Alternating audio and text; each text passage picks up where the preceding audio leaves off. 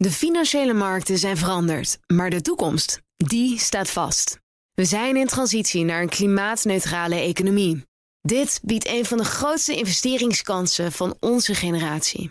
Een kans voor u om mee te groeien met de klimaatoplossingen van morgen. Meer weten? Ga naar carbonequity.com. Carbon Equity. Do good by investing better.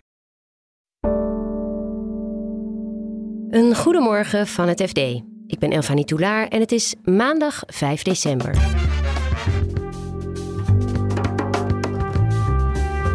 Morgen komt het lang verwachte rapport over advocatenkantoor Pels Rijken uit. Maar ze liggen nu al onder vuur. En dan is het gewoon niet goed voor het beeld als ondertussen de landsadvocaat verwikkeld is in zo'n moddergooiwedstrijd met, met een Zuidas kantoor zoals Stibbe dat is.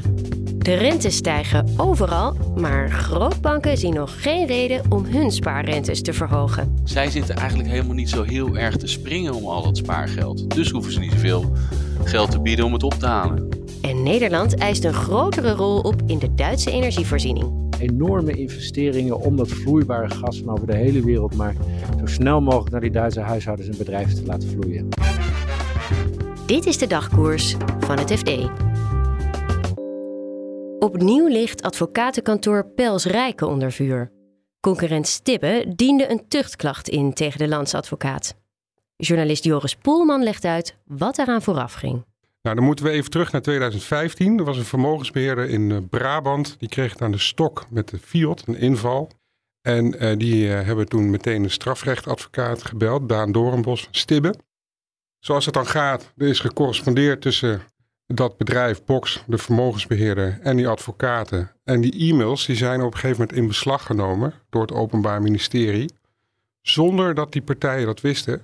En die zijn ook gebruikt en gelezen in het onderzoek is later gebleken. Maar dat mag niet. Je mag niet neuzen in de correspondentie van advocaten met hun cliënten. Dat valt onder het verschoningsrecht. De advocaat en de cliënt, maar ook bijvoorbeeld ook de dokter en zijn patiënt, die moeten één op één in compleet vertrouwen met elkaar kunnen overleggen. En dat moet niet op straat komen te liggen. Nou, en in deze zaak zijn die e-mails uh, van die advocaat dus bij het Openbaar Ministerie terechtgekomen. Die zijn dus gelezen, bekeken, gebruikt voor het onderzoek. En dat is gedaan op basis van een advies van de landsadvocaat. Die heeft gezegd: confiskeer die conversatie maar. Nee, tussen... die conversatie was geconfiskeerd. Toen heeft, uh, toen heeft uh, het Openbaar Ministerie eerst zelf een beoordeling gedaan. Toen zeiden mensen intern, nou, dat kunnen we niet doen, dat is vertrouwelijk. En toen is iemand gezegd, nou, we leggen het ook nog voor de zekerheid even aan, aan, de landsadvocaat voor. En die heeft toen gezegd, je kunt er wel gebruik van maken. En um, van daaruit is eigenlijk deze zaak gaan rollen. Uh, want vervolgens is Tibbe, die zei, dat zijn vertrouwelijke e-mails. Wij gaan erover procederen. De rechter moet dit verbieden. Dit had zo niet mogen gaan. En dat heeft dus geresulteerd in inmiddels, uit mijn hoofd geloof ik, vijf tuchtklachten tegen een handvol partners van Pels Rijken, onder wie dus landsadvocaat Rijmer Veldhuis. En het is ook niet de eerste keer hè, dat dit advocatenkantoor Pels Rijken in opspraak raakt. Nee, bepaald niet. Hè? Want nee. waar, kennen we, waar kennen we Pels Rijken nog meer van? Dat is natuurlijk de fraudezaak. Hè, met bestuursvoorzitter Frank Oranje. Die inmiddels uh, is overleden. Maar die had uh, meer dan 11 miljoen verduisterd van uh, klanten van Pels Rijken enorm geruchtmakende zaak geweest. Heel veel aandacht, ook vanuit de politiek. En dat heeft zelfs zo fundamentele vragen opgeroepen van... Ja, wij, werken altijd als overheid samen met Pels Rijken. Dat is onze vaste advocaat. Is dat eigenlijk nog wel de manier hoe we dat moeten doen in Nederland? Moeten we dat niet op een andere manier doen? Nou, toevallig of niet, maar morgen komt er dan ook nog eens een rapport uit van de commissie Silvis. Ooit nog eens besteld door voormalig minister Grappenhaus toen hij nog minister van Justitie was. Um, en dat komt morgen uit en daarin staat eigenlijk een advies aan de Tweede Kamer. Zo kunnen wij straks verder met de landsadvocaat. Dus dat is heel spannend. Heeft en, deze zaak daar dan nog invloed op? Nou, niet denk, is ik, nieuwe? niet denk ik op de inhoud van het rapport. Dat zal, dat zal af zijn.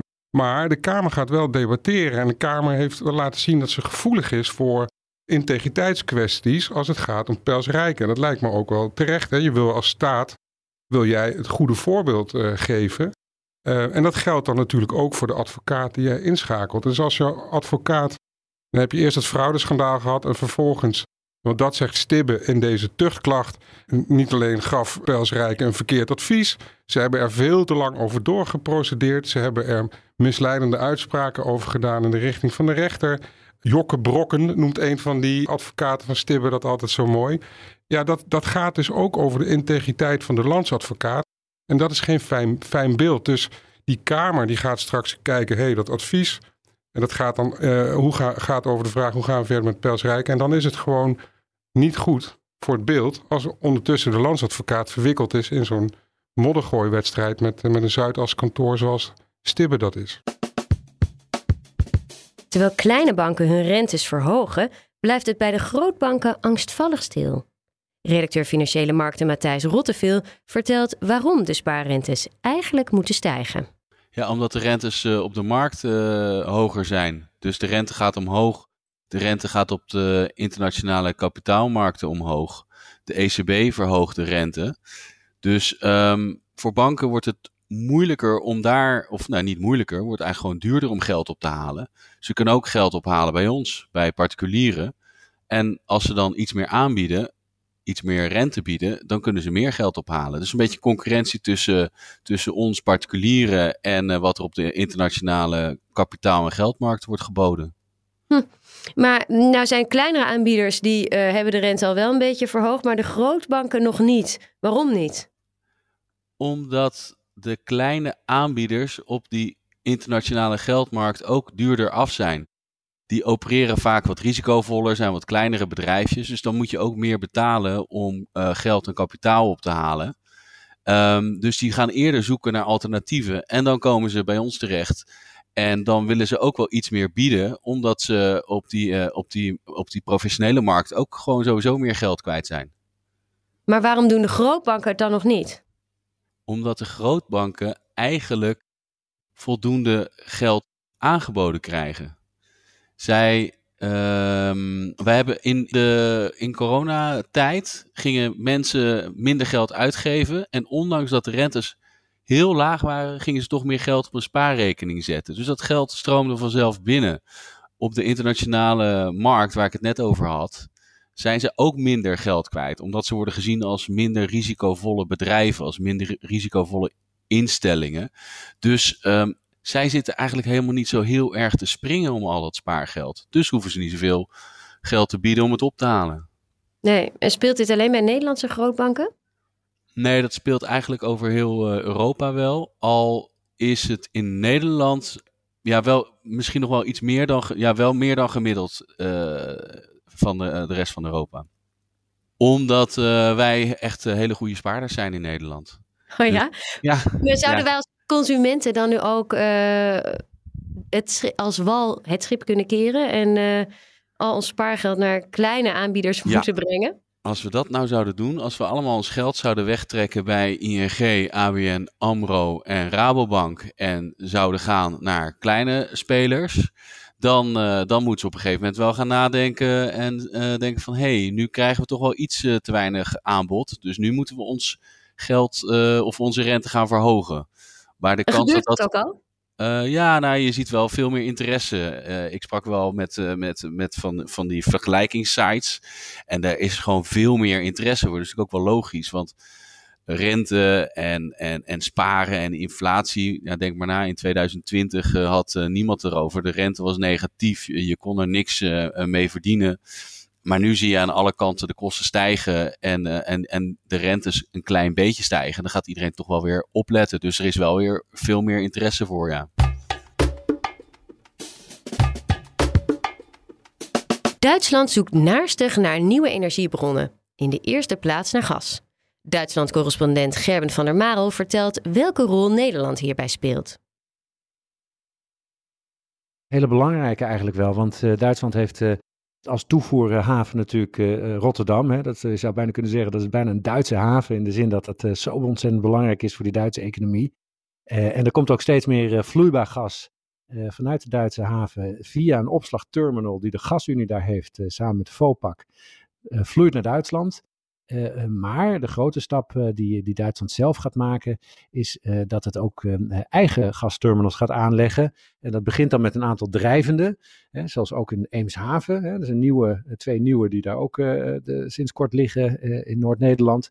zo krijgt Duitsland er ook een paar. En er wordt ook een vaste terminal gebouwd. Dus enorme investeringen om dat vloeibare gas van over de hele wereld maar zo snel mogelijk naar die Duitse huishoudens en bedrijven te laten vloeien.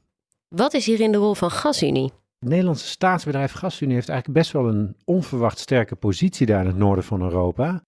Ze bouwen dus die uh, terminals voor vloeibaar aardgas. In Nederland hebben ze die drijvende terminals in Eemshaven en in Duitsland een hele grote, samen met de Duitse staat uh, in, uh, in Sleeswijk-Holstein. Die wordt gebouwd en moet in 2026 af zijn. En uh, daarnaast hebben ze een behoorlijke pijpleidingeninfrastructuur liggen in Duitsland, die nou heel mooi kan aansluiten op een aantal van die nieuwe drijvende terminals. Dus wat dat betreft hebben ze eigenlijk best wel een sterke positie mm, ja, bij, dat, bij dat binnenkomen van dat nieuwe vloeibare gas in, in Duitsland. Maar na gas is het toch uiteindelijk de bedoeling dat we met z'n allen overgaan op waterstof, toch?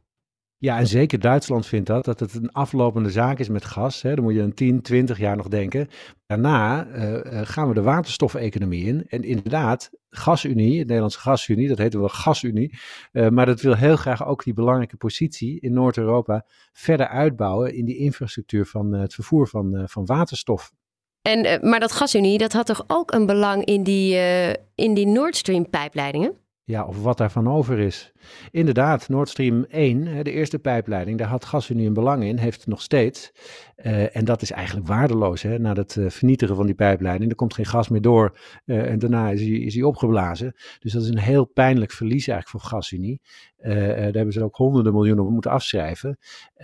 en daarom moeten ze, worden ze gedwongen om verder vooruit te kijken en om nieuwe gebieden aan te boren, nieuwe uh, zaken te doen. Uh, en daar hoort dat vloeibare gas eerst bij. En vervolgens komt er ook nog eens waterstof bij in de toekomst.